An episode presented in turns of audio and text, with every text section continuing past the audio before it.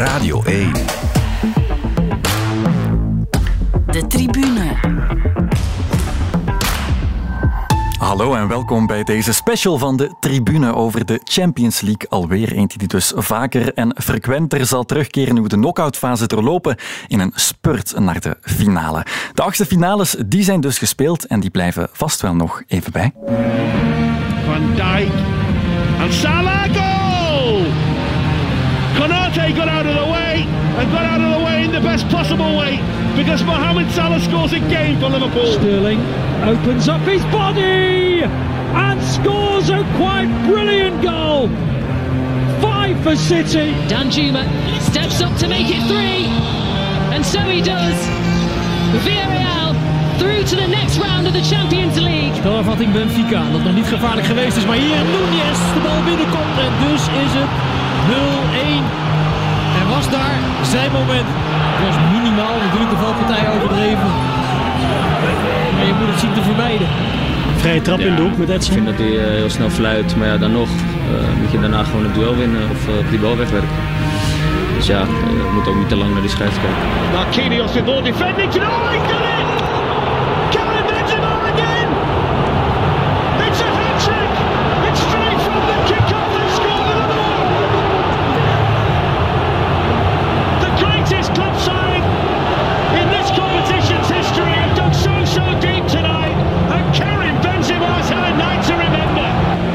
El taconazo para Griezmann, que viene con el centro al segundo palo. Renan Lodi.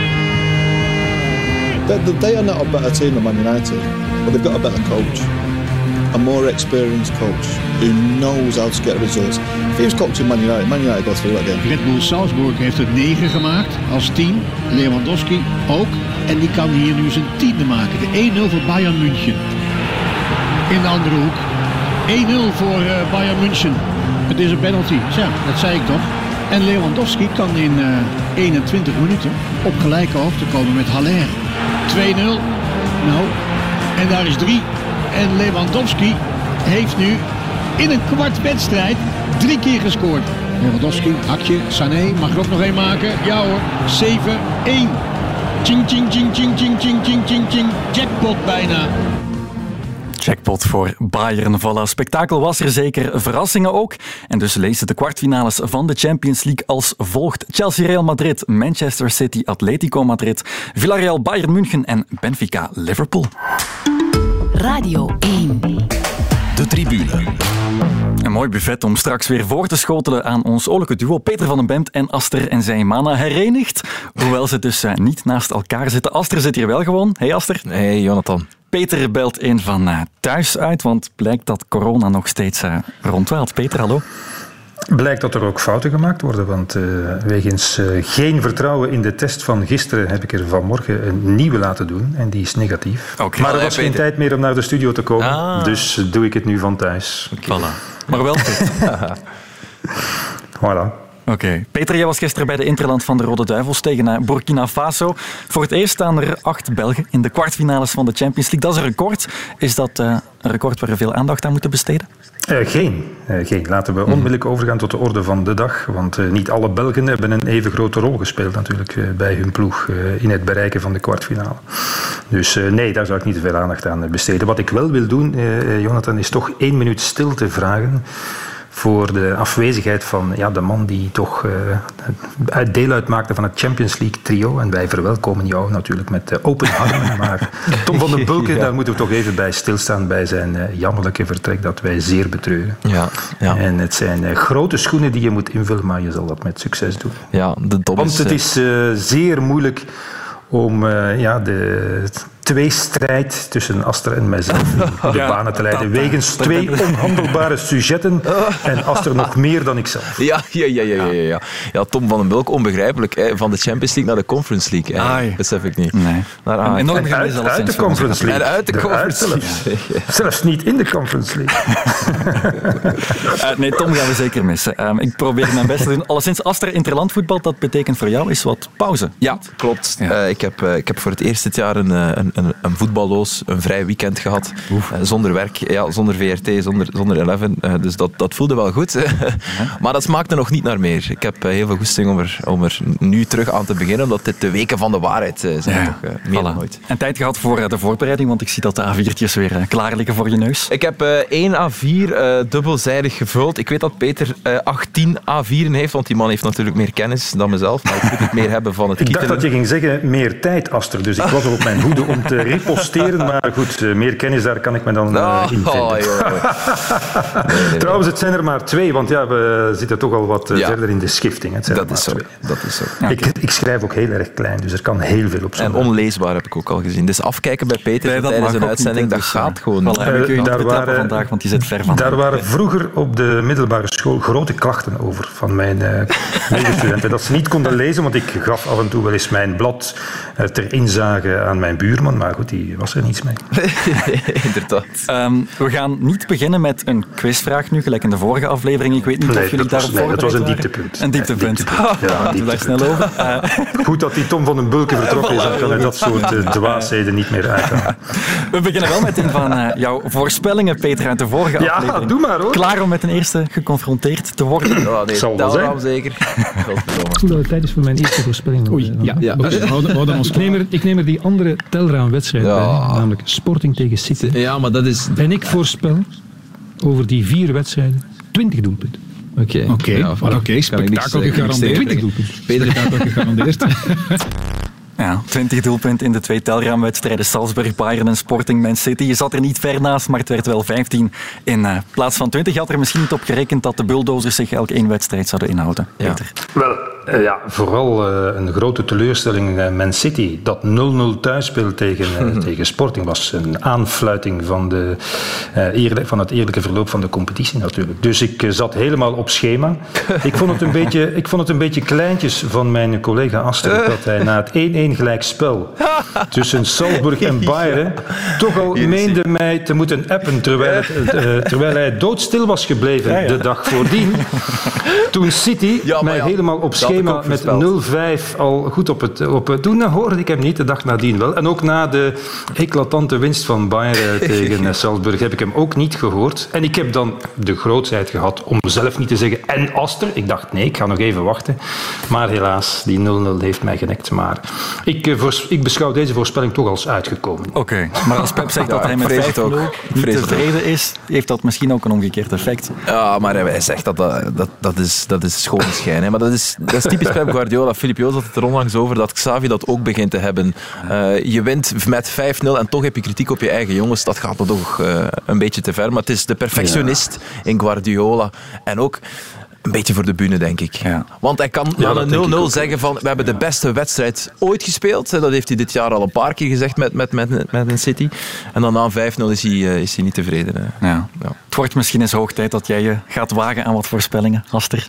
Uh, nee, maar ik, ik, laat dat aan mijn meer ervaren collega over. Hè. Als ik, over 20 jaar, wanneer ik even lang in het vak zal zitten uh, als, als Peter, dan, dan zal ik dat ook doen. Okay. Maar voorlopig hou ik het bij kietelen. Voilà. Mocht je maar ik moet wel zeggen, uh, als uh, Salzburg overigens zelf ook en Bayern uh, hun kansen hadden afgemaakt, dan was het in de 20 geweest. Want ik erken dat Aster eigenlijk meer gelijk had dan ik. En Salzburg heeft er in die thuiswedstrijd een, echt een geweldige wedstrijd van gemaakt. En oké, okay, Bayern had daar ook een paar doelpunten kunnen maken.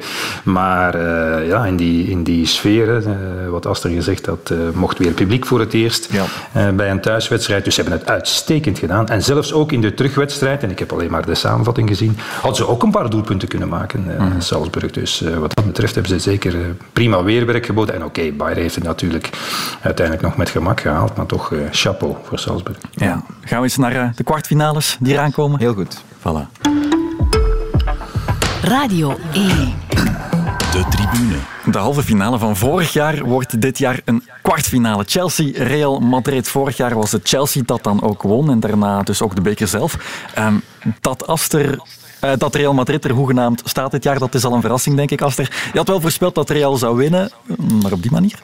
Ja, nee, en ik, ik had er eigenlijk heel veel spijt van na, na de, de, heenwedstrijd eh, op PSG, wat, wat een aanfluiting was van, van voetbal. Sommigen noemden het uh, realisme van, van Ancelotti, omdat je inderdaad niet met de deur open gaat spelen op, op PSG, maar het was bijna ingraven wat ze deden. Het was ook een soort van onmacht die ze etaleerden in Parijs. Dus toen dacht ik van ja, no way dat, dat Real dit nog recht trekt thuis. Zeker niet toen dat doelpunt dan viel op het einde van de wedstrijd, van die heenwedstrijd, toen Mbappé PSG gaf wat ze meer dan verdienden.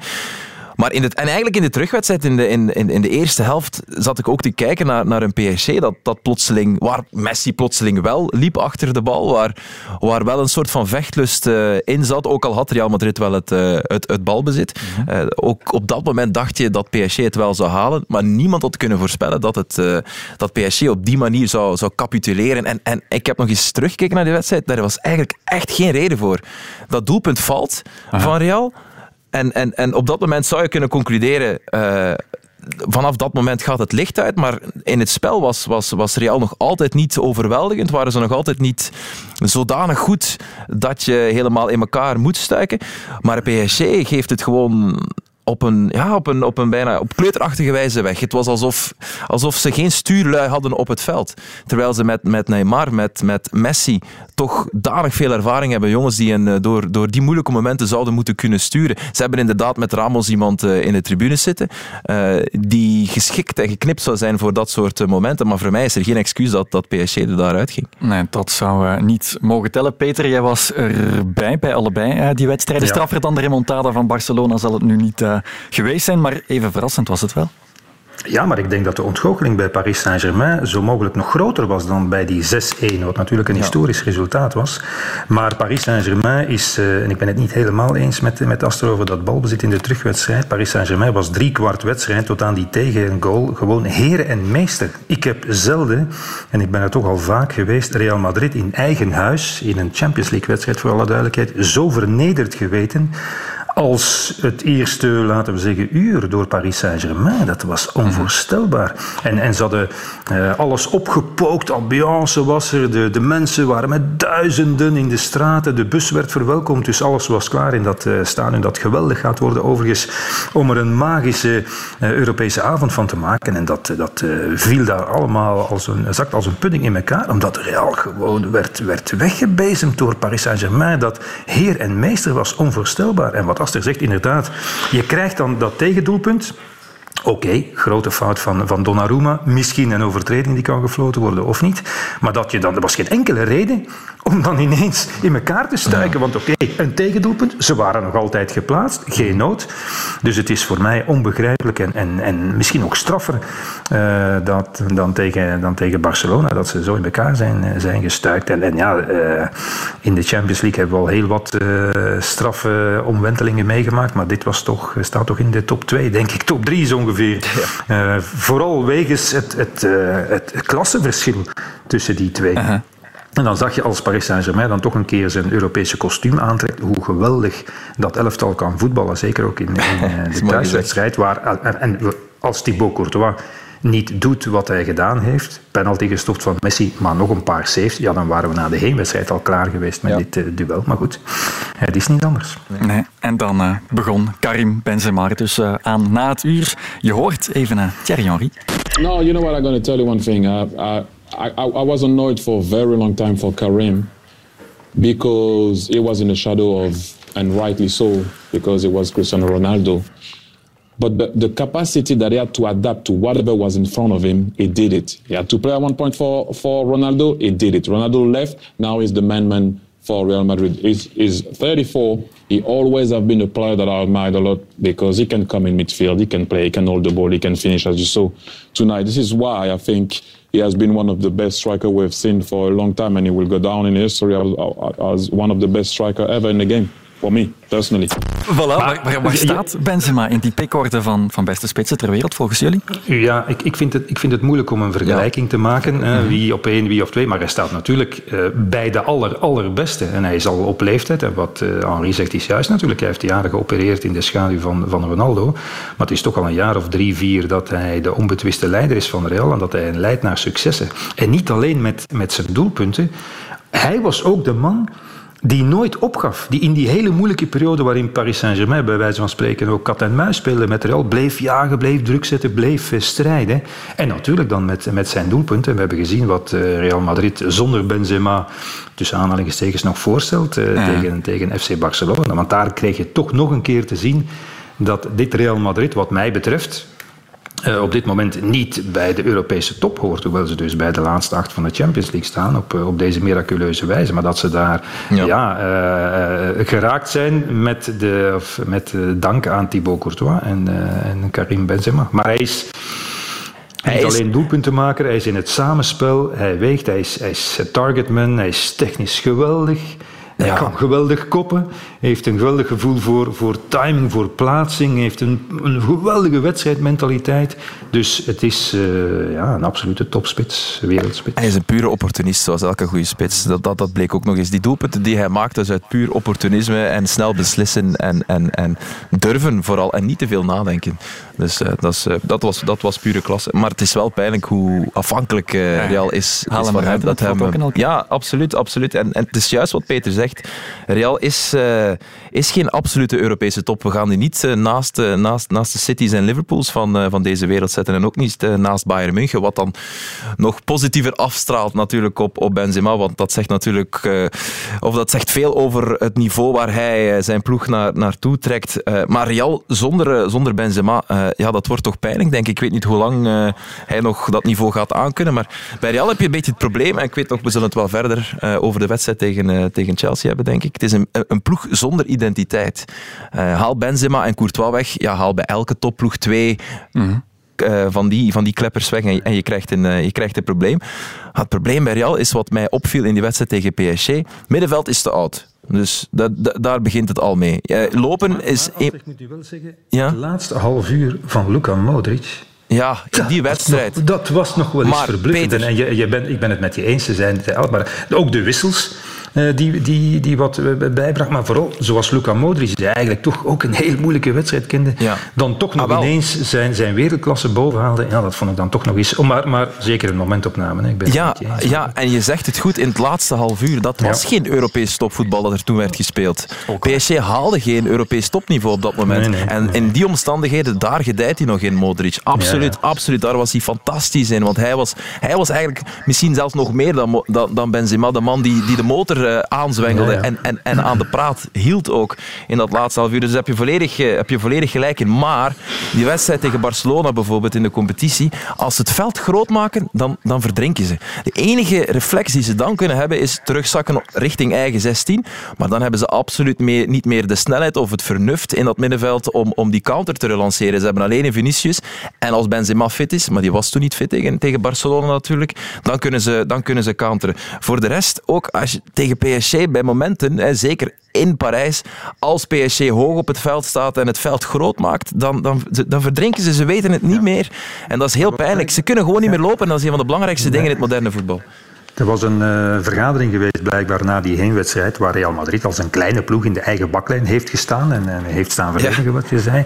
Dus met de spelers en Ancelotti uh, en de spelers waren het erover eens uh, dat ze het over een andere boeg gingen gooien, namelijk hoger staan, wat meer druk zetten vooruit. En zo begonnen ze eigenlijk ook tegen Paris Saint-Germain. Laten we zeggen, vijf minuten was dat hoopgevend, maar PSG lachte daar gewoon mee en voetbalde met zoveel flair en Parijse arrogantie onderuit dat het ontmoedigend was voor, voor Real en dat de wedstrijd dan zich ontwikkelde heeft zoals het is, zoals het is gebeurd. Ja. Ik wil er overigens, even als intermezzo, toch op wijzen, in alle onbescheidenheid, dat mijn allereerste misschien meest roekeloze voorspelling ja, ja, ja. van het Champions League seizoen nu al is uitgekomen. Voilà, Vroeger dan ik had gedacht.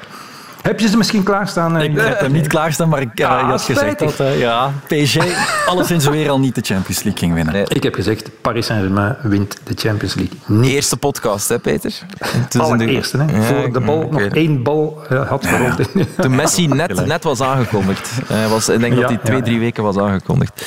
Dus ja, nee, dat, daar, daar zat je boek op. En ik denk dat ik je maar toen dat ben was ook niet zo moeilijk te voorspellen. In alle, allee, nu, even, nu even ernstig, dat was ook niet zo moeilijk te voorspellen. Dat samenraapsel van die. Van die vedetten en die mentaliteit bij Paris Saint-Germain. Ik had het er met een Fransdalige collega, met een Franse collega onlangs ook over. Ja, het wordt tijd dat uh, Paris Saint-Germain een keer voetballers koopt in plaats van alleen maar sterren. Mm -hmm. En, en uh, wat dat betreft is uh, ja, de, de, de overgang van Messi natuurlijk gewoon een sof. Dat moeten we zeggen zoals het is. En, en hij zal nog wel een keer een geweldige actie maken of een, of een vrije trap in, in de bovenhoek krullen. Maar ja, het was toch een pijnlijke confrontatie met, met de Europese top in die wedstrijd tegen, tegen uh, of in bepaalde wedstrijden. Dus, uh, dus ja. wat dat betreft uh, is dat niet genoeg meer om de Champions League te winnen. Net als die andere grootheid, Cristiano Ronaldo. Nee, maar wat, wat ik dan niet snap bijvoorbeeld, op Real speelden ze met, met Danilo, Verratti en, en Paredes in, in, het middenveld. Ja, met Van Alben hebben ze toch een, een jongen die wel dynamisch is en wel heel veel kan belopen ook. En die, die hebben ze dan op de bank gelaten. In de competitie mag die wel spelen.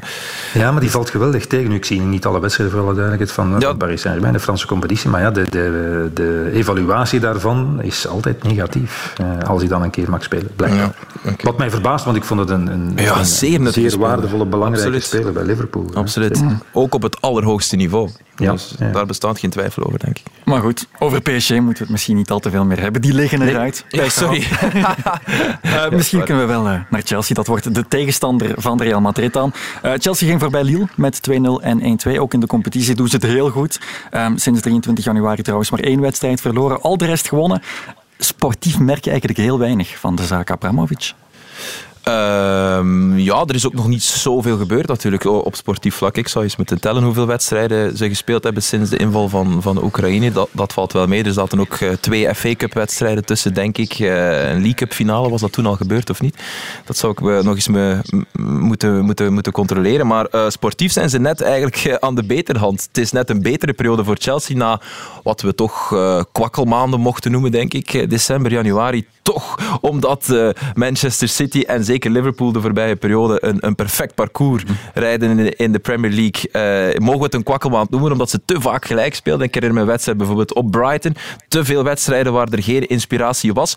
Ik moet wel zeggen dat, dat Chelsea een, een betere vorm heeft de voorbije weken. Uh, dankzij Kai Havertz. Dat is de spits die ja. Lukaku zou moeten zijn.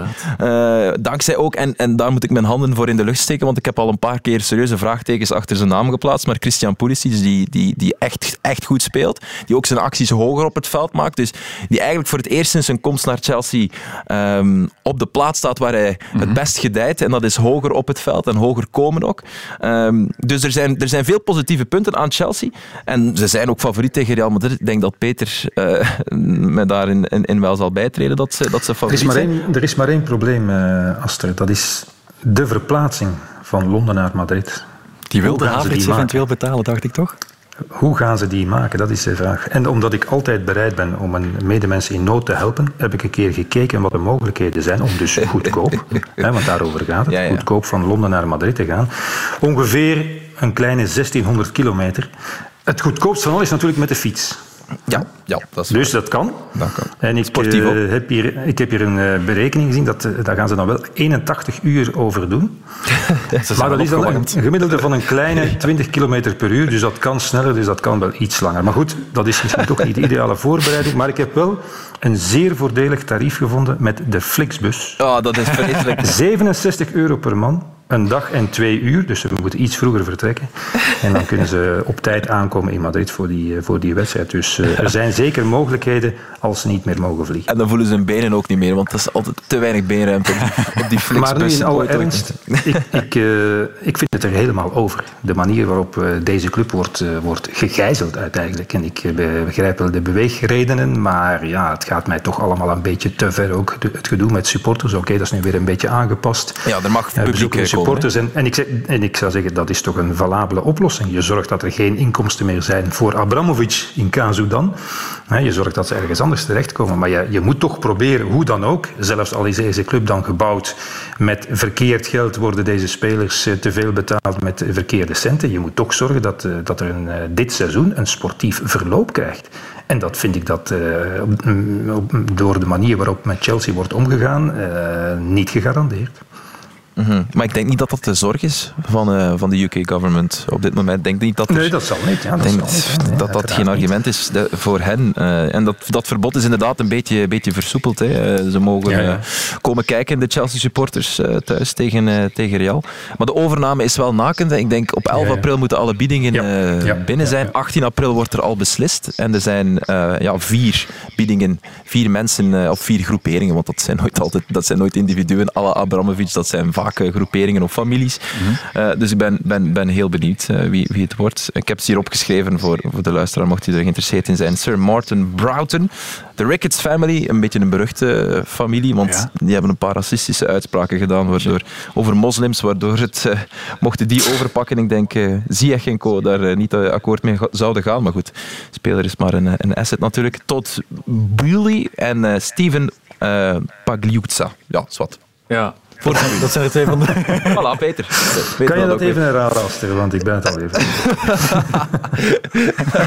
maar nee, goed. Uh, in principe, ja. Uh, uh, zelfs Chelsea met zijn zorgen moet Real Madrid opzij kunnen zetten. Alleen, en die slag om de arm hebben we vorige keer ook gehouden, herinner ik mij, toen het tegen Paris Saint-Germain was. Omdat het Real is. Ja. En omdat Real in de Champions League op een of andere manier altijd een andere dimensie krijgt, zou ik zeggen, moeten we nog oppassen. Maar in principe is het toch gewoon Chelsea. Ja, weet je nog, de, herinner je nog de halve finale van uh, vorig jaar was dat denk ik. Redelijk veel. Chelsea tegen, uh, tegen Real, die heenwedstrijd op Real, dat was toen nog in dat, in dat vreselijke trainingsstadion ja, ja. daar, waar, waar, waar Chelsea beter was, domineerde en uiteindelijk, wie was het die de 1-1 maakte? Benzema op fantastische wijze. Echt, dus, dus dat is dus een slag, dat kan altijd. Dat, dat is een slag om de arm. Voilà, dat is waar. Die, die nu, nu, worden we wel flauw natuurlijk als we voorspellingen doen. maar het kan ook. dus, dus, nu schuif ik een Chelsea... beetje op in jouw richting, Astrid. oh. Op zich is er eigenlijk niet zoveel veranderd tegenover vorig jaar in de kernen, toch? Lukaku is er nu ook bijvoorbeeld niet bij. Die gaat ja, ze hebben een betere bank nu, Chelsea. Ja, dat wel. ja, ja, het is ongelooflijk. Eh, ja. een, duurdere, een dure bank hebben ze nu. ze hebben qua, qua, qua diepte in, in, het, uh, in het elftal. Ja, want er zijn een paar jongens die zich wel nog meer ontwikkeld hebben, vind ik, ten opzichte van, uh, van vorig jaar. Denk maar bijvoorbeeld aan, uh, aan, aan, aan Ziyech, aan Havers, die toen ook mm beter was. Je hebt wel nog altijd... Periode, ja. ja absoluut. En je hebt wel nog altijd een beetje, uh, ja, dat dode, noemen ze dat? Dode hout, dead wood. Uh, Zo'n zo Werner bijvoorbeeld, vraag ik me af wat de toekomst van hem is uh, bij Chelsea. Want het komt eigenlijk amper nog aan de bak. Het zijn Mount en Pulisic en, en Havertz die daar nu, nu spelen. En hij heeft ook in een interview gezegd um, uh, dat hij zich afvraagt uh, dat hij beter speelt bij de Duitse nationale ploeg dan, nog, hè? Ja, dan bij Chelsea. Dat is ja, ja, voor, voor dit Chelsea. Uh, en we, kunnen, we, moeten natuurlijk afwachten wat de nieuwe eigenaars uh, gaan doen en wie dat gaan zijn en hoeveel ze kunnen investeren. Het zou dus kunnen dat dit voor Chelsea uh, ja, de laatste kans is om op dit niveau competitief te zijn. Hè, redelijk ver in de ja. Champions League. Mm -hmm. het kan zijn dat het nieuwe Chelsea een, een, club is, ik zou bijna zeggen, wellicht wel, die moet downsizen. Hè. Ja, ja, dat is waar. Ja, die Sir Martin Broughton die heeft al gezegd dat hij gaat blijven investeren in de kern, zoals Abramovic.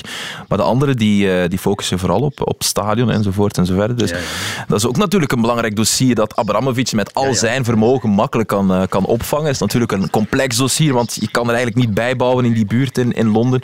Maar, uh, maar ja, prioriteiten zullen nu gesteld moeten worden en als dat niet de spelerskern is, dan kan het snel gaan, denk ik. Dan, dan beland je snel uh, buiten de Europese plaats. Ja, zo is het. Ik denk het je wel, wat ik, uh, een naam die ik nog wil noemen, Reece James. Uh, die is een hele tijd uit geweest, is dan teruggekomen, maar na die sterke prestatie tegen Burnley denk ik opnieuw uitgevallen. Wat hij brengt is niet makkelijk te vervangen. Want ook Chilwell aan de andere kant, die ligt er al een ja, hele lange Chilwell, die is al heel het seizoen, uh, heel ja, het seizoen uit. Ja, nee, dat is waar. Het zijn de, het zijn de belangrijkste posities in, in, in, het moderne voetbal. We gaan het er straks ook nog over hebben als we het over, over Liverpool hebben. En, en, en hoe sterk uh, Robertson, Trent Alexander-Arnold mm -hmm. zijn. Maar ik, ik, bij Chelsea denk ik toch altijd...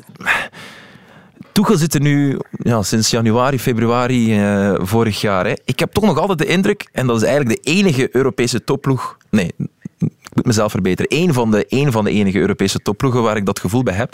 Eerste gedachte is toch vooral verdedigen, nog altijd.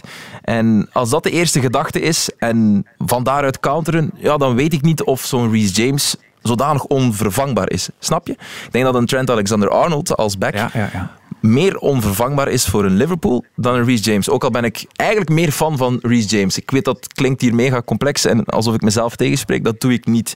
Ehm, dus ik weet niet of dat, dat eh, het, het, het grote Ja. euvel zal zijn. Moet dat zien als eh, voorspelling? Chelsea gaat Reece James niet missen tegen Ah, ja, Real dat Madrid. kun je toch niet, dat kun je toch niet testen. Eh, goed. Maar al bij al, Chelsea zou de bovenhand moeten nemen tegen Real. Ja, Dat zal, zal de bovenhand nemen. Ja. Ja, Noteer al maar. Ah, ja, nog één punt dat ik wou maken over, over Ancelotti. Ik heb het hier opgeschreven, ermee dat ik eraan denk.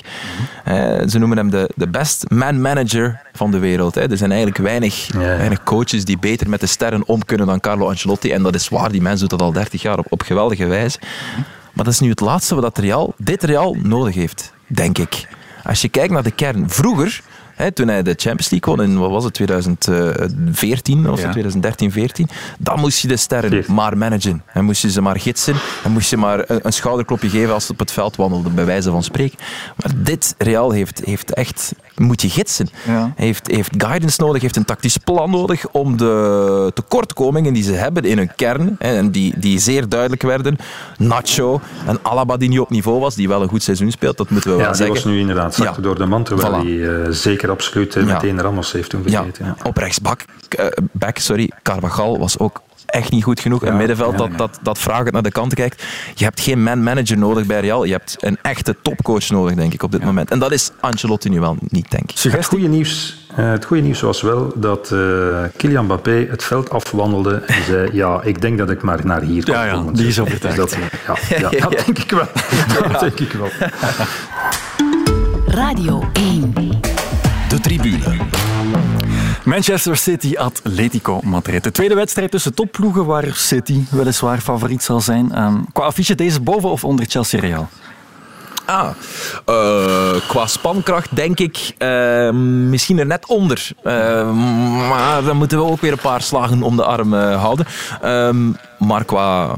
Ik ga er met veel plezier naar kijken. Ja, absoluut. Dat, dat- qua plezierniveau zal het, zal het wel de moeite zijn. Maar we gaan het Je wel moeten indruk, uitzitten eh, soms. Ja, ja, je hebt toch de indruk, Aster, dat, dat eh, City, eh, dat er af en toe toch een klein beetje zand in de machine zit. Absoluut, Zo. Ineens, zoals in die, die finale van, van, de, eh, van de League Cup was het tegen Chelsea, was een geweldige wedstrijd. Waren ze ook, vond ik, echt heel erg goed.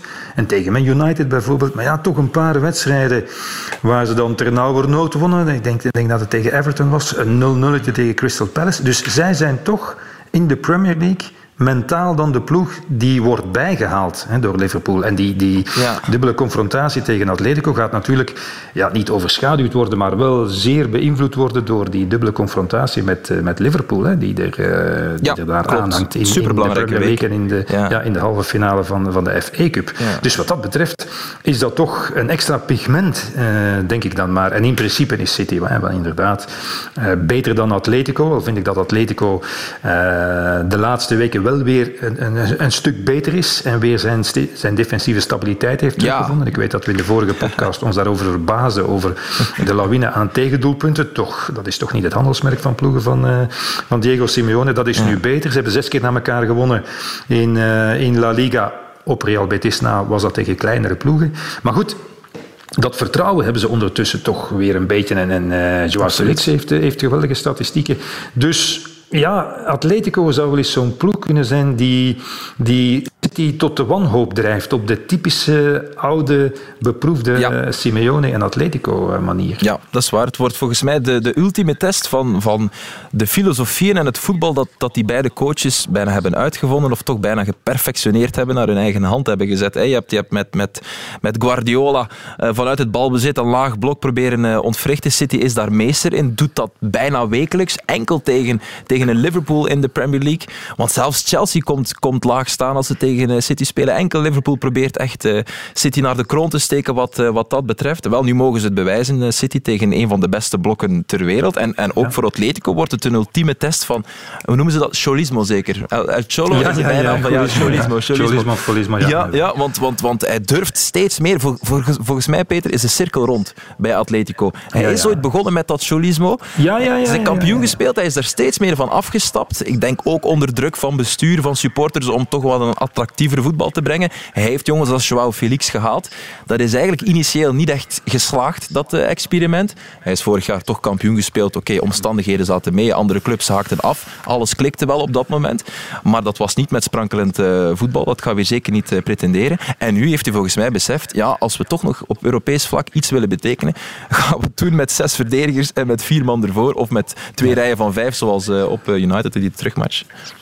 Twee dingen daarbij nog. Uh, sinds half december hebben ze wel verloren van Real, van Sevilla en toch uh, uh, gedeclasseerd door Barcelona. Dat zijn eigenlijk de topwedstrijden die ze hebben gespeeld mm -hmm. in La Liga. Maar aan de andere kant wil ik er toch eens aan herinneren dat Pep Guardiola in zijn tijd bij Barcelona en bij Bayern München meer dan één keer gefrustreerd is geraakt door het Atletico van Simeone. Ik herinner me nog een, ik denk dat het kwartfinale was van de Champions League tussen Atletico en, en uh, Bayern München. En ja, Atletico dat zich toch kon, uh, kon kwalificeren. Het Atletico van Simeone tegen uh, het Bayern van, van Guardiola. Dus helemaal op zijn gemak nee. gaat heer Pep niet zijn, denk ik. Nee, dat is waar. En, en je, hebt, je hebt het gezegd van die zand in de machine. Hè. Southampton, waar ze denk ik met 1-4 wonnen, waar ze ook 20 minuten vooral werden weggespeeld. Dat zal Pep onthouden van die wedstrijd. Je had Everton, ja. Je, hebt, je hebt Spurs gehad natuurlijk. Wedstrijden waar City geen controle in, in had. En, en ja, op een manier, als je dan uh, als je, als je Atletico zag spelen tegen, tegen United, de heenwedstrijd waren ze beter en veel beter. Het is onbegrijpelijk dat ze die wedstrijd niet gewonnen hebben. Dat doelpunt ja, valt. Wie was het? Elanga, denk ik, die, die scoorde voor, ja, voor United. Ik ja, meer uit het hoofd. Ja, uh, ja dat, was, dat, dat was eigenlijk dat, dat, dat was geen fair beeld van, van die wedstrijd. En ik zat te kijken naar Joao Felix, zowel in die heen als die terugmatch. En hij, hij is de Griezmann van, van, van tien jaar geleden, hè, Peter. Hij, hij, ja, ja, Griezmann ja. loopt er nu nog altijd rond, allee, terug, opnieuw rond. En ze gaan hem permanent halen, denk ik. Dat is, dat is een juiste omschrijving. Ja. ja, inderdaad. Dus dat is opvallend hoe Felix van, van, van een, een, een heerlijke, uh, zorgeloze, frivole voetballer toch vooral die rigide werker is geworden in dat blok van, uh, van, van Simeone. En uiteraard heeft hij nog altijd de voeten om, om, om iets magisch te creëren. Mm. Je had lang gedacht dat dat een eindig verhaal zou zijn. Um, ik denk dat je dat nog gezegd hebt in de vorige podcast. Ja, ja, ja. Ga je niet... Uh, nee, okay. nee, absoluut. um, is toch veranderd? Maar ik denk ook nog altijd dat dat een eindig verhaal zal zijn. Ja, voor Felix. Wel, ik denk als hij, als hij andere topvoetballers ziet spelen bij andere Europese topclubs, dat hij iets heeft. Want, ah, dat, dat kan ik ook produceren. En ik denk dat de, dat de nationale ploeg wat dat betreft hem daar zeker niet in, in zal helpen. Daar komt hij jongens tegen van, uh, van overal ter wereld. Bruno Fernandes, alhoewel ja, die zal nu ook wel niet te hoog van de toren blazen bij, bij United. Maar vooral Bernardo Silva, jongens als, uh, als, als hem. Als je dan praat over, over hoe geweldig leuk het moet zijn om onder Pep Guardiola te voetballen, dat je dan ook wel eens terug op training komt bij Atletico en je afvraagt, moet hier weer uh, 20 meter naar links en 50 meter naar, uh, naar achter lopen. Dat is ook niet zo leuk. Nee. En je mag die godverdomme eruit uh, dat gaan we eruit knippen. En de, die dat ik net heb gezegd ook. Ja. um, die halve finale van 2016, Pep tegen Simeone, gaat dat Pep schrik aanjagen in de zin dat hij weer rare keuzes gaat maken?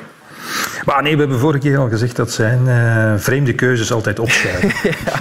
ja. Dus ja. ik verwacht nu uh, ja. helemaal niets. Maar ja, dat hij zich misschien wel weer gaat bezondigen aan overthinking, dat zou wel eens kunnen natuurlijk. Hè? Want uh, Pep Guardiola heeft een zeer grote harde schijf, dus die wedstrijden zijn zeker, zijn zeker opgeslagen op zijn, in zijn, op zijn harde schijf. Dus dat zou wel eens kunnen natuurlijk. En, en nog eens op basis van het kwaliteitsverschil, op basis van wat ze maximaal kunnen presteren, is, is City wat mij betreft torenhoog favoriet. Ja. Maar ja, het is wel een zeer vervelende tegenstander, die, die net uh, toch weer wat beter in vorm is en die inderdaad weer naar het, uh, meer naar het oude recept heeft uh, teruggegrepen. Als je dat doet op het veld van een middenmotor uit de Premier League zoals Man United, dan ga je dat zeker doen als je bij City op bezoek komt. -hmm. Een naam die je misschien wel er nog eens kunnen uitpikken, is die van Renan Lodi. Doelpuntenmaker, gaf één assist ook in de uh, tweede wedstrijd, denk ik. Had er perfect een tweede kunnen geven. Nog een hele goede voorzet. Um, de eerste wedstrijd. De eerste wedstrijd. eerste wedstrijd ik, ja. zijn, zijn doelpunt valt ja, ja, in de tweede. Dat was het enige, enige wapenfeit ook van die wedstrijd. Er is ook echt werkelijk niets gebeurd dankzij nee. Simeone. Hele gevaarlijke man, ook sprekend voor dat nieuwe systeem, denk ik dan. Uh, ja, Peter, weet jij veel over Renan Lodi? Hier moet ik even passen. Nee, nee, nee. nee, nee, nee, nee, Dat is een goede linksachter. Zoveel kunnen we zeggen. Denk ik. Ja, ja, uiteraard. En, en die, hij is al een paar jaar. Hè, dus ja. is, uh, ja. Maar, ja. maar, maar, ik, kan er, ik kan er niets uh, verstandigs over zeggen. Nee, oké. Okay. Wel gewoon dat Atletico zeg maar al te graag in die underdog-rol gaat schikken. Ja, en dat 100%. in principe voor 100%. Ja, ja, en als je... Uh, want het is eerst uh, volgende week in, in, in Engeland. Ja, ja als je niet met een, een beetje veilige marge naar, uh, naar Madrid reist, ja, dan heb je natuurlijk ook nog het thuispubliek dat zijn rol speelt. Hè. Het kan daar toch, ook al is het dan niet meer in dat uh, prachtige stadion in De Calderon, mm -hmm. kan het toch nog flink spoken in ook het nieuwe ja. stadion. Dus, en als we het dan toch over België hebben, met Carrasco, die gaat terugkeren, denk ik. Hè, want die was twee keer, twee keer geschorst. Heen wedstrijd is er nog niet bij, de terugwedstrijd wel. Ja, zo is het, hè? Ja, zo is het, denk ik. Voilà. Ja. Verselco, Lemar, die zijn ook voor het eerst terug. Matheus Cunha, die is denk ik twee weken geleden er terug bijgekomen komen. Dus voor het eerst dit seizoen, als alles goed gaat, of alles gisteravond goed is gegaan, dat heb ik nu niet opgevolgd in de, in de internationale wedstrijden, dan gaat Simeone voor het eerst dit seizoen op een volledig fitte kern kunnen rekenen. Dus dat is toch ook Oké, even uh, opgelucht ademhalen voor, uh, voor Simeone. En het biedt hem ook opties, want die kern die is ook niet verkeerd. Hè. Als, je, als je alle namen op een rij zet, nee, kan je er wel 17, 18 jongens die basiswaardig zijn. Absoluut, ook een hele goede ja, maar, ik, maar wat ik in het, in het begin zei, die wedstrijden tegen Liverpool gaan toch ook hun rol spelen. Als ze, als ze winnen en ze zetten Liverpool opnieuw op afstand of ze winnen de finale van de V-Cup, ja, dan, dan heb je toch een andere mindset om die twee vervelende wedstrijden tegen Atletico te spelen. Dus, ja kan ineens over een uh, week of uh, vier, zal ik maar zeggen, of drie, hmm. kan het ineens allemaal geweldig zijn voor City. Of kunnen ze toch met een paar katertjes uh, zitten. Zo is dat. Oké. Okay. Ah, nee. okay. Radio 1. De tribune. Van de nummer 1 naar de nummer 2 in de Premier League. Liverpool heeft een makkelijkere loting gekregen. Benfica wordt de uitdager oh, oh, oh, van, de, ah, ja. van 2019. Wacht, Peter. Um, makkelijker, maar alleszins verraderlijk. Um, Peter, je hebt eenmaal die wedstrijd gedaan tussen Ajax en Benfica. Um, Benfica, ja, ja. dat is jouw chouchou, dat weten we. Dat herinner ik me van de vorige Ja, ik steek het niet weg. Uh, al moet ik wel zeggen, ja, ze hebben echt lelijk gespeeld in de terugwedstrijd. Foei, foei, foei. Maar ja, het, uh, het, kon ook moeilijk anders. En ik moet zeggen, dat, dat lelijk spelen, dat deden ze dan wel geweldig. Ja, ja, ja, ja, ja. Dat deden ze wel geweldig. Want ze kunnen voetballen, dat hebben we, al, we hebben dat al vaker gezegd. Uh, ze kunnen echt goed voetballen, maar oké, okay, ze werden, ook wel omdat Ajax te sterk was, uh, gedwongen om, om te gaan verdedigen op de eigen rechthoek. En, en over, uh, over uh, Jan Vertongen en Otamendi oh. uh, kan je allerlei opmerkingen maken. Zeker als ze met ruimte in de rug moeten spelen, denk ik dat het een risico is. Maar zoals ze nu moesten verdedigen, namelijk een kleine ruimte. Met, met Grimaldo en Gilberto op, op de flanken. Wel, dat was, een, dat was een perfecte samenspel tussen die vier en ook de jongens daarvoor om te verdedigen. En Ajax, oké, okay, als die bal van. van uh, in, het, in, in, een van die ballen in het begin van Ajax binnen gaat, hebben misschien een ander verhaal. Ja. Maar, maar ja, ze hebben toch uh, Ajax helemaal geneutraliseerd. En, en uh, ik liet mij door mijn Nederlandse collega's vertellen, na de loting, alle Nederlanders waren ervan overtuigd, ja, Ajax zit in de, in de volgende ronde. Ja, ja. En daar, je kon die indruk ook hebben na één helft in, in de heenwedstrijd. Maar zoals Benfica daar heeft gereageerd, ja, op, op power met loopvermogen en met goed voetbal en met, met scorend vermogen, ja, dat, is, dat is gewoon indrukwekkend. En, en ik doe mijn hoed nog eens af voor wat mij betreft de spits van de toekomst, als hij het al niet is, die Darwin ja. Núñez. Ja, ik zou zeggen, die gaat de natuurlijke selectie wel overleven. Wat een beest is dat. Ja. Uh, hij, wordt, hij wordt nu al op, op 65 miljoen uh, geschat. En daarnaast heb je die jonge jongen Gonzalo Ramos, dat is mhm. nu het vaste duo van, van de coach ja. Verissimo. Uh, dus ja, dat marcheert geweldig. Hij heeft ook al zes doelpunten gemaakt, denk ik, sinds, sinds begin uh, februari. Dus uh, ze hebben een stukje geschiedenis geschreven. Voor het eerst in zes jaar weer kwartfinale. Nog nooit in, in de halve finale gestaan. En ze hebben, ze hebben het tegen twee Nederlandse clubs op, op een lelijke manier gedaan. Hè. Tegen, tegen PSV, twee Nederlandse clubs, PSV en nu ook tegen Ajax. En ze zijn eigenlijk, dat had ik nog genoteerd, de doodgraaf van Johan Cruijff, namelijk Oef. Barcelona, eruit geduwd. En nu ook Ajax.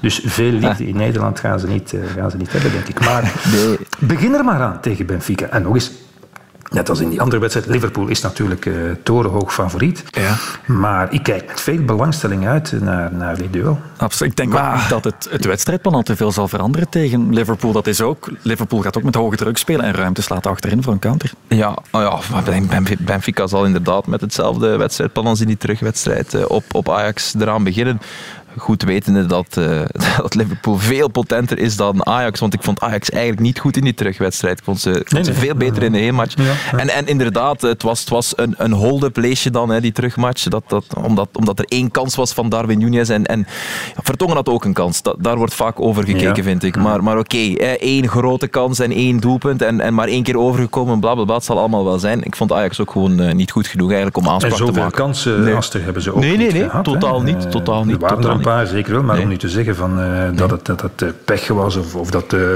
ja. doelman Vlachodimos geweldig moest spelen. Ja, dat nu eigenlijk ook niet. En, en ja, het is, het is wel een ploeg met veel métier. Hè. Met veel ervaring. Ja, dat is mooi Die gezegd. vind ik toch geweldig ontwikkeld op het middenveld. Is een, een geweldige kolos. Weigel in al zijn eenvoud. Ja, dat, dat uh, marcheert allemaal wel, hoe je het ook draait of keert. En er kan geen podcast voorbij gaan uh, zonder dat ik Rafa Silva vermeld. Maar ja, ik moet wel zeggen, wat was hij slecht in de terugwedstrijd. ja. Maar goed, het is hem vergeven. Hij heeft hard, hard ja, gewerkt.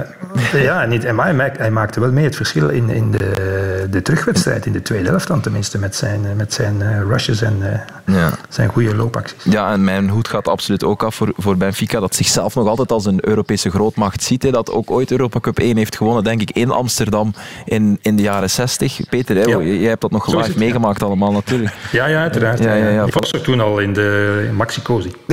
ja, ja, ja. Maar dat bestond toen nog niet.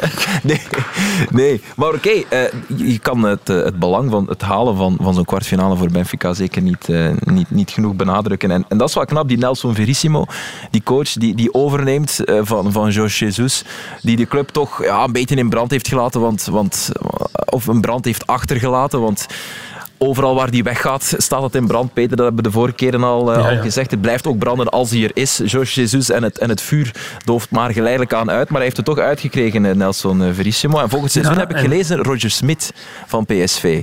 Vervangen bij PSV door Van Nistelrooy. Ondertussen hoeven we het niet over te hebben, maar interessant. Nee, nee, nee, staat er heel dicht, uh, heel dicht tegen.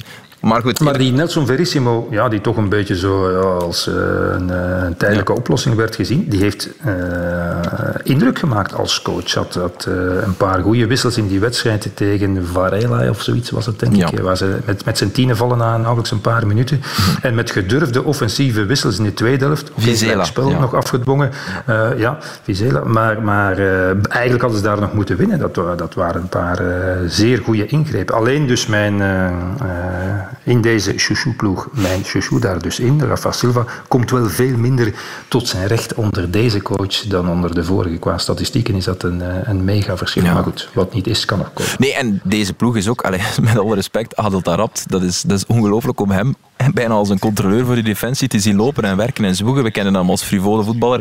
Vooral uit de championship natuurlijk. Bij QPR geweldige dingen gedaan. Ook bij, bij Fulham gespeeld, Adel. Um, en, en, en Julian Weigel, dat is dus ook geen, dat is ook geen klassieke breker. Hè. Dus dit is een ploeg die, nee, nee, die gebouwd is om, om aan te vallen en door omstandigheden zich heeft aangepast naar de realiteit waarin ze zitten. Namelijk minder seizoen. Eigenlijk voor het tweede jaar op rij. Want vorig jaar zijn ze ook pas derde geëindigd. Als ik, uh, als ik me niet vergis. En moesten ze via een lange omweg uh, toch... Ja, via PSV. Ze hebben inderdaad ja, PSV. Hè? Ja, voilà. Toch, toch in de Champions League uh, er komen. En, en dat zal dit jaar hetzelfde zijn mijn hoed gaat af voor de manier waarop zij zich als een chameleon hebben aangepast aan de, aan de omstandigheden. En, en daarom vond ik dat allemaal wel wat, uh, wat zwakjes. Hoe, hoe ze vanuit Amsterdam weer hoog van de toren aan het blazen waren. Om te zeggen, hoe kan het nu dat wij van dit Benfica verloren hebben? Ja, maar pas op, Aster. Uh, uitgekookt. Thuis tegen Bayern München bijvoorbeeld, in de groepsfase. Tegen Barcelona hebben ze wel gespeeld. Hè? Ja. Hebben ze wel vooruit gevoetbald, hoog druk gezet. En okay. Alleen ja, tegen Ajax was het in de heenwedstrijd uh, in de eerste helft niet mogelijk. In de tweede helft, wanneer het kon, hebben ze dat wel gedaan. en natuurlijk... De, het is toch in zekere zin, zeker in die heenwedstrijd in de tweede helft, de arrogantie van Ajax afgestraft. Die gaven meer ruimte weg ja. uh, dan je je kan voorstellen. Waardoor ze natuurlijk uh, toch een beetje Benfica in de kaart speelden. Ook uh, ja, op, ge, ge, het slachtoffer toch geworden mm. wat van hun overmoed, had ik de indruk. Mm. Maar ze, Want ze dachten al natuurlijk ja. dat ze de Champions League gingen winnen. Onze Nederlandse vrienden. dat, dat dacht is inderdaad. Maar ze gaan wel klop krijgen van Liverpool, denk dat ik. denk ik. Jan Vertongen misschien ook. Had hij verwacht dat hij nog een kwartfinale van de Champions League zou spelen? Uh, nee, dat denk ik niet. Uh, enfin, ik kan niet in het hoofd kruipen van, van Jan Vertongen, maar je gaat niet naar Benfica met in je achterhoofd. Alhoewel, kwartfinale, ja, Kwart nog kan, net, kan ja. nog net. Hè, kan nog net. ja, Maar dit overleven, dat zal zijn, uh, zijn stoutste dromen overtreffen. En, Maar goed, het kan. En Peter heeft volledig gelijk. Vooral Otamendi was echt ongelooflijk sterk. Maar je speelt natuurlijk helemaal in zijn kaarten door, ja, ja, door, door dat soort uh, voetbal te gaan brengen. De Ajax zijn veel te direct ook naar Ajax-normen. Maar oké, okay. Liverpool. Maar uh, wat, ah ja, ga je over Liverpool beginnen? Ah ja, nee, nee, nee, zeg maar, zeg maar Peter. Zeg ik wilde net zeggen wat, wat Liverpool uh, betreft. Ik heb die, die uh, twee wedstrijden ook gedaan tegen Inter. Ja, geweldig overtuigd was ik daar niet van. Ja. En, en ik was aangenaam verrast door, uh, door de prestatie van Inter in de heen- en eigenlijk ook in de terugwedstrijd. Ja. En je zal toch maar zien hoe het niet meteen na, na de 0-1, die geweldige goal van Martinez op Anfield Road, het was 0-2 in de wedstrijd. Als uh, die domme Sanchez zich niet uh, ja. twee minuten later laat uitsluiten, oké, okay, dan was het eigenlijk min of meer gelopen. maar ja, de, de, ik was toch verbaasd dat Liverpool ja, de grootste moeite van de wereld had eigenlijk. Met dat zeer sterke Inter. Mm -hmm. Dus ja, en, en wat we daar straks over City gezegd hebben, dat geldt natuurlijk ook voor Liverpool. Alleen hebben die, wat denk ik, meer het momentum op dit moment.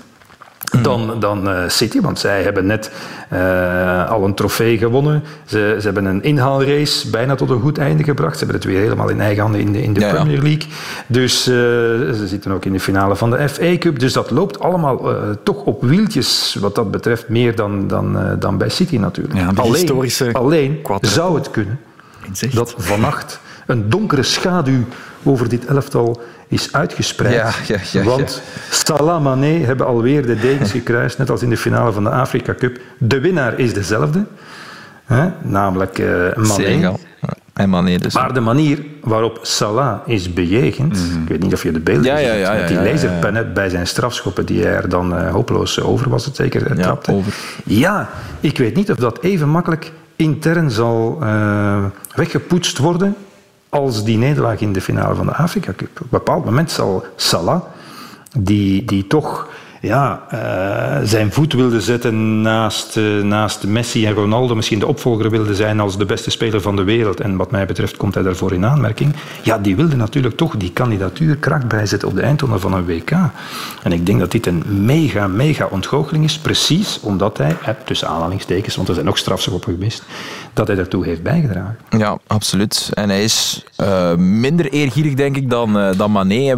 We, zien Mané allemaal iets meer als een, een driftkikker dan Salah, denk ik. Maar Salah is toch ook weer bezig met zijn contractonderhandeling. Ik denk dat zijn contract loopt wanneer af. Ik heb het hier proberen opzoeken volgend jaar, denk ik. Mm, volgend Eén jaar contract en, volgend en, jaar. Maar ze, er zit ja. geen schot in de zaak voorlopig. Nee, omdat ja, dat een beetje lang aansleept. En ja. hij, hij, wil ja, een forse opwaardering. Ja van zijn contract. Ja. Uh, dus hij zal niet de meest blije man dat ook over. Dus die drie zijn alle drie einde contract. Hè. Ook ja, Firmino. Goed, die is intussen minder belangrijk geworden, maar ook, uh, maar ook Mané. En, en uh, ik weet niet of ik dat verkeerd voorstel, maar Mané werd toch altijd een beetje bekeken als de, de, de lakai van Salah. Zo net iets mindere statistieken ook, misschien net iets meer in, in de schaduw. En nu heeft hij hem toch twee keer overtroffen. Ja. En je zegt, Salah niet eergierig, maar ja, dat weet ik toch nog zo niet. Twee keer verliezen. van naderbij moeten bekijken. Ja, wel, nee, dat was, dat was het punt dat ik maakte. Dat het zo lijkt, maar ik denk ah, ja, ja. Dat, het, dat, het, dat, het niet zo, dat het niet zo is. En je hebt wel gelijk, want, want Salah was de hype in het, in het jaar dat ze de Champions League finale voor het eerst bereikten, waar hij dan niet in kon spelen omdat die verdomde Ramos hem na, wat was het, tien minuten al uh, uit die ja, wedstrijd ja, ja. knikkerde of blesseerde. Uh, dat, dat, Wat ook zijn Salah WK was toen heeft gehypothekeerd. Hè? Ja, ja, ja, klopt. Och, arme. Ja. Ik had het al over die uh, historische quadruppel die uh, Liverpool nog in zicht heeft. Um, overal komen ze ook Man City eigenlijk tegen. In ja. de competitie in uh, de FA Cup, halve finale speelt er nu ook tegen City. Ook de finale van de Champions League kunnen ze pas, denk ik, tegen City ja. komen. Die zit in de andere helft. Is dit Liverpool dan ook nog beter dan dat van 2019? Uh, dan dat van 2019, wacht. Hè. Dat is het jaar dat ze de Champions League wonnen. uh, ja. Voor de titel, hè. Om 2020, want dat is met die jaartallen. 2020 hebben ze, hebben ze de titel gewonnen. Ja, 20 hè. was met de titel, corona, coronajaar. Ja, het coronajaar. Uh, dus ja, je bedoelt gewoon die periode. of ze beter zijn. ik denk dat ze terug even goed zijn. Mm -hmm. Ik denk dat ze ook meer diepgang hebben. of een... een, een meer keuze hebben, zo bedoel ik. Diepgang is iets anders. Ja. een, een, dieper, een dieper elftal. Ze hebben nu vijf jongens vooraan in plaats van drie. Dat, was, dat is het grote verschil met, met een paar jaar geleden. Uh, en ik denk, ja, als ik mezelf zo hoor praten, begin ik mezelf te overtuigen dat ze er misschien wel beter voor zouden staan. Al was het voetbal toen wel sprankelender en een tikkeltje avontuurlijker nog dan, uh, dan nu. Maar je hebt met Van Dijk en Matip uh, een ijzersterk duo dat dit seizoen uh, nog niet of amper geblesseerd is geweest. Dat is een groot verschil, vooral Matip natuurlijk. Dat die eigenlijk is blessurevrij is. En Van Dijk die was er vorig jaar niet bij. Dat, dat indikeert meteen het grote verschil met, met, met vorig jaar. Je hebt met Robertson en Trent Alexander-Arnold die eindelijk weer assists beginnen geven. Peter heeft dat punt al eens gemaakt in een podcast, denk vorig seizoen, dat dat het grootste verschil was. En daar heeft hij overschot van gelijken, want nu zijn ze weer ja, hun, hun, hun frank en vrije zelf en spelen ze geweldig op die, op die flanken. Vooral Robertson is de man van de voorbije weken. En Trent heeft een geweldig partnership met, met Salah. Die, dat hij eigenlijk anders invult dan, uh, dan, dan pakweg twee, drie jaar geleden. Dat valt mij op. Vroeger was het altijd Trent langs de buitenkant. En Pep Leijners, de assistent van Klopp, heeft dat uh, deze keer ook, uh, heeft dat ook toegegeven dat er anders wordt gevoetbald met Trent. Die komt vaker naar binnen. Dat was mij opgevallen, omdat ja, je ziet hem daar niet vaak. En hij trapt daar andere ballen dan anders, maar dat werkt goed. Het is de beste passeur misschien zelfs. Hij is wel geblesseerd. In de, in de ploeg. Ja. Is, gaat hij fit zijn? Of, Hij zou... Daar heb ik geen weet van. onlangs gezegd dat, dat ze hem terug willen voor de wedstrijd tegen City in de competitie. Dus ah, ja, 10 april, dacht ik. Ja, 10 april. Ja. ja okay. um, dus de eerste wedstrijd in de Champions League zou hij missen. Okay. Maar, goed, het is eraan, maar als je het hebt over de quadruple, hè, om er nog even, even op door te gaan. Ja, Liverpool is wel de vormploeg van het moment samen met Barcelona in heel Europa. Mm -hmm. Er zijn misschien kleine landen die ik, uh, niet, waar, waar ik niet naar kan. Uh, kan niet alles uh, volgen, Jonathan. Maar 16 van de 19 matchen dit seizoen gewonnen. Dat is een, dat is een belachelijk ritme mm -hmm. dat ze aanhouden. En het moet dan niet altijd zo overtuigend zijn. Hè. Kijk naar die wedstrijd. bijvoorbeeld op Inter waar het voetbal ook zeker niet wervelend was. Nee, nee, nee. nee, maar ze winnen hem wel. En dat is de vorm die je nodig hebt voor in die voilà, klinisch afgemaakt doelpunt van Salah. Mooi gedaan. In de thuiswedstrijd hebben we wel drie keer tegen de paal getrapt natuurlijk. Hè. Dus het had ook anders kunnen lopen, ja. voor alle duidelijkheid. Als er uh, daar een paar van uh, binnen gaan, dan maak ik misschien een andere analyse. Maar toch, ja. in het spel was het nu niet zo, terwijl ze wat, wat mij betreft toch ook de grote favoriet waren, dat ze er uh, bovenuit staken tegen Inter. Ja. Wordt dit dan een telraamwedstrijd, Peter? Of mag je dat niet zeggen? Nee, dat denk ik dat niet. niet. Nee, ja. nee, dat denk ik niet, eerlijk gezegd. Uh, maar goed, ja, eens, de bal, ja, nee, dat denk ik nu eerlijk gezegd niet. Die gaan we niet meer krijgen, denk ik, uh, in de kwartfinale. Nee, dat maar goed, Liverpool, uiteraard uh, groot favoriet. Maar ze zullen, ik zou zeggen, ze zullen wel goed moeten zijn om niet verrast te worden. Ja. Radio 1. De tribune. En dan hebben we nog één duel te goed. Bayern-Villarreal, of Villarreal-Bayern is het eerder. Um, Bayern na die 7-2 tegen Salzburg. Het team met de meeste doelpunten in uh, de Champions League. Met hoeveel doelpunten, mannen? Toch een quizvraag. Met, uh, dit seizoen? In de Champions League. Gemaakte doelpunten? Uh, 32. Peter? ik heb het geweten, maar... Ik heb geen idee. Meer. Dat is een pure gok. Nee, uh, Zal er meer zijn, zeker? Uh, dat was Ajax en ze zijn dan voorbijgestoken. Ja, ik weet het niet. Ergens rond de 30 toch, maar ik weet het niet. Rond de 30, ja. Twee, ja, het is 30, maar... Oh, hey. Rond de 30. Oh, ja, ja oké. Okay. Ja. Ik zei 30, ja, ik, ik, ik oh, je bedoelde eigenlijk 30. 30 rond bedoel oh. Ja. Okay. ik, ik versprak mij. Ja. versprak mij. Dat kan gebeuren. Hoeveel daarvan van Lewandowski, dat is makkelijker misschien? Sorry, wat zeg je? Hoeveel daarvan van Lewandowski? Oh, uh, 11 of 12? 14. 14? 12. 12. 12. Omgerekend in procenten? Omgerekend in procenten, ja, zeg Jonathan, is dat hier een wiskunde podcast? Dan heb je ja, minder dan 50. Met mij de voilà, verkeerde. Exact, juist. uh, maar ik wil misschien toch beginnen met, uh, met Villarreal. Want goed, ja, Bayern is favoriet, um, zoals het dat ook was tegen Salzburg. Maar Villarreal staat hier ook maar mooi. Um, nadat het vorig jaar ook al even verrassend die Europa League won. Um, nog eens staat je met amper 50.000 inwoners. Ja. En een van die inwoners, dat is uh, tegenwoordig ex-Club Brugge-speler Arnoud Danjuma. Vorig jaar nog bij Bournemouth in de Championship. If someone said to you a year ago when you were playing in the Championship that 12 months on you'd be scoring a goal in a 3-0 win at Juventus, what would, what would you have said to them then? I would say uh, the sky is the limit. Always aim high. Um, if you look back to the interviews, I always, uh, I'm always confident in my team, confident in my coach, confident in myself. And the sky is the limit. I mean, I work really hard, and if you work hard, you always get the reward. Uh, if, if it's not soon, it's later. I work really hard, and I'm just really happy, uh, happy with the result today. Happy that I'm on the score sheet again. And obviously, uh, it's been a bumpy ride from uh, from now until the last 12 months. But I'm really looking ahead. I mean, it's it's it's it's, it's a great win, but I'm already looking ahead and, and wanting to win more. Voilà, ambitieuze jongen en uh, zomaar even de 3-0 gemaakt om uh, Juventus uit te schakelen richting de kwartfinales van de Champions League. En ook gewoon een ja, hele belangrijke pion voor uh, Villarreal, zowaar vanuit de spits. ja, ik vind hem... Ik vind hem ja, zeg maar Peter. Nee, ik, ik, ja, vanuit de spits, maar vaak naar links uitwijken. Mm -hmm. Zeer bewegelijk en, en, inderdaad een heel belangrijke pion. Heeft zijn tijd nodig gehad om zich aan te passen daar uh, bij Villarreal, maar uh, komt er nu helemaal door. En na Benfica heeft Villarreal zich ontwikkeld als mijn tweede kleinere ja. chouchou. Want okay. ik heb die twee wedstrijden nu ook gedaan uh, tegen Juve. En, en het is niet gestolen over nee. twee wedstrijden, zo nee. eenvoudig is het. Uh, en en uh, ik uh, draag de coach Unai Emery een zeer warm hart toe. En hij heeft een belangrijk aandeel gehad in die 0-3. Dat was vooral uiteindelijk niet de juiste weergave van die wedstrijd. Het was lang 0-0. En ik heb vooraf gezegd dat worden twee snurkwedstrijden. Dat is een beetje overdreven. Maar ja, geweldig veel spektakel viel er natuurlijk niet te beleven. Maar Unai Emery heeft de wedstrijd wel in zijn voordeel doen kantelen met, met twee belangrijke wissels. Hij bracht na, namelijk Coquelin in en vooral Gerard Moreno, die net terugkeerde uit ja. blessure. En die zat ertussen bij, bij de drie doelpunten die ze nog hebben gemaakt, hè, met, met twee penalties. En ja. de wedstrijd had anders kunnen lopen in Turijn. Bij de vroege bal van Vlaovic, geweldig tegen de lat. Als het daar 1-0 wordt, ja, dan heb je misschien een heel ander verhaal.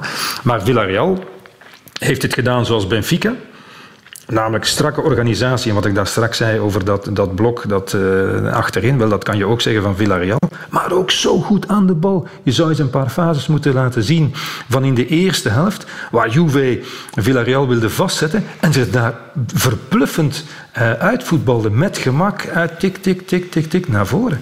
Dus... Uh, ze hebben vorig jaar geschiedenis geschreven met die Europa League winst. En, en nu, na 13 jaar, staan ze, stonden ze weer in de knock-out fase van de Champions League. Spelen ze uh, kwartfinale. En nog eens uh, Unai Emery weggelachen. Hè? Ik heb het al een paar keer mm -hmm. gezegd. In Londen bij, bij Arsenal ja, ja. door de spelers, omdat hij wat raar Engels sprak. Wel, ik weet niet wat die vedetten van Arsenal uh, het voorbije anderhalf jaar hebben gepresteerd, maar ik heb ze niet gezien in de finale van de Europa League. En in de Champions League heb ik ze ook niet gezien. Dus chapeau voor Unai Emery. Mooie ja. revanche vind ik dat. Absoluut. En Villarreal is voor mij ook een echte aanwinst. Ik vind dat een echte aanwinst voor het uh, Europese topvoetbal. Lang, uh, lang mogen ze blijven. Niet alleen door het voetbal dat ze brengen, want ze hebben een paar onderschatte voetballers.